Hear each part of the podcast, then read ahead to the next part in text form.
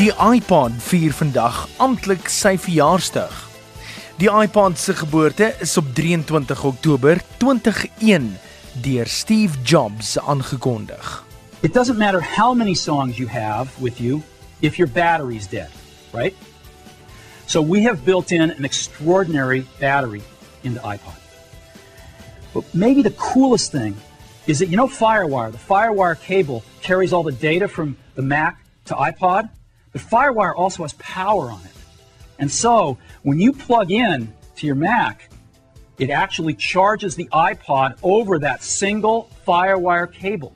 iPod was met sy vrystelling in 2001 ligjare voor die res van die tegnologie-industrie en hulle het gespog dat jy om en by 1000 liedjies in jou sak by jou kan dra. So this is iPod. Playlists, artists, songs, settings, very very simple. Uh, a breakthrough in consumer electronics user interfaces. The scroll wheel lets us not only rapidly find our music, but lets us use iPod with one hand. We think we've got a breakthrough in user interfaces to where it is now accessible to everybody to have a thousand songs and find them and navigate them faster than if you only had 10 or 15 uh, on a much simpler device. Steve Jobs tydens die bekendstelling van die oorspronklike iPod op 23 Oktober 2001. Meer as 500 miljoen van die toestelle in verskeie groottes is deur jare verkoop. Die statistiek is wel interessant vir alles die slimfoon tegnologie tydlyn in ag geneem word. Hoe meer slimfone oor verskeie vlakke ontwikkel het, hoe minder iPods is deur jare verkoop.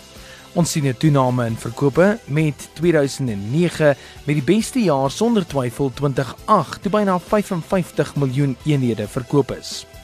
Die toetrede van dieselfde tegnologie op jou slimfoon en groter slimfoon geheue het wel 'n negatiewe uitwerking op die iPod se verkoopsyfers deur jare gehad en het steeds vandag 'n invloed. Van die wêreld se voorste slimfone word deesdae met geheue grootte van tot 'n teragreep vrygestel wat jou in staat stel om nie net musiek en video's op jou foon te laai nie, maar ook om byna al jou werkdokumente te stoor. Die neiging van slimfone om te kan doen wat jou rekenaar by die huis te kan doen, word al groter. Wat is die vraag laat ontstaan of daar wel in die toekoms plek sal wees vir die slegs musiek iPods wat in die ronde is?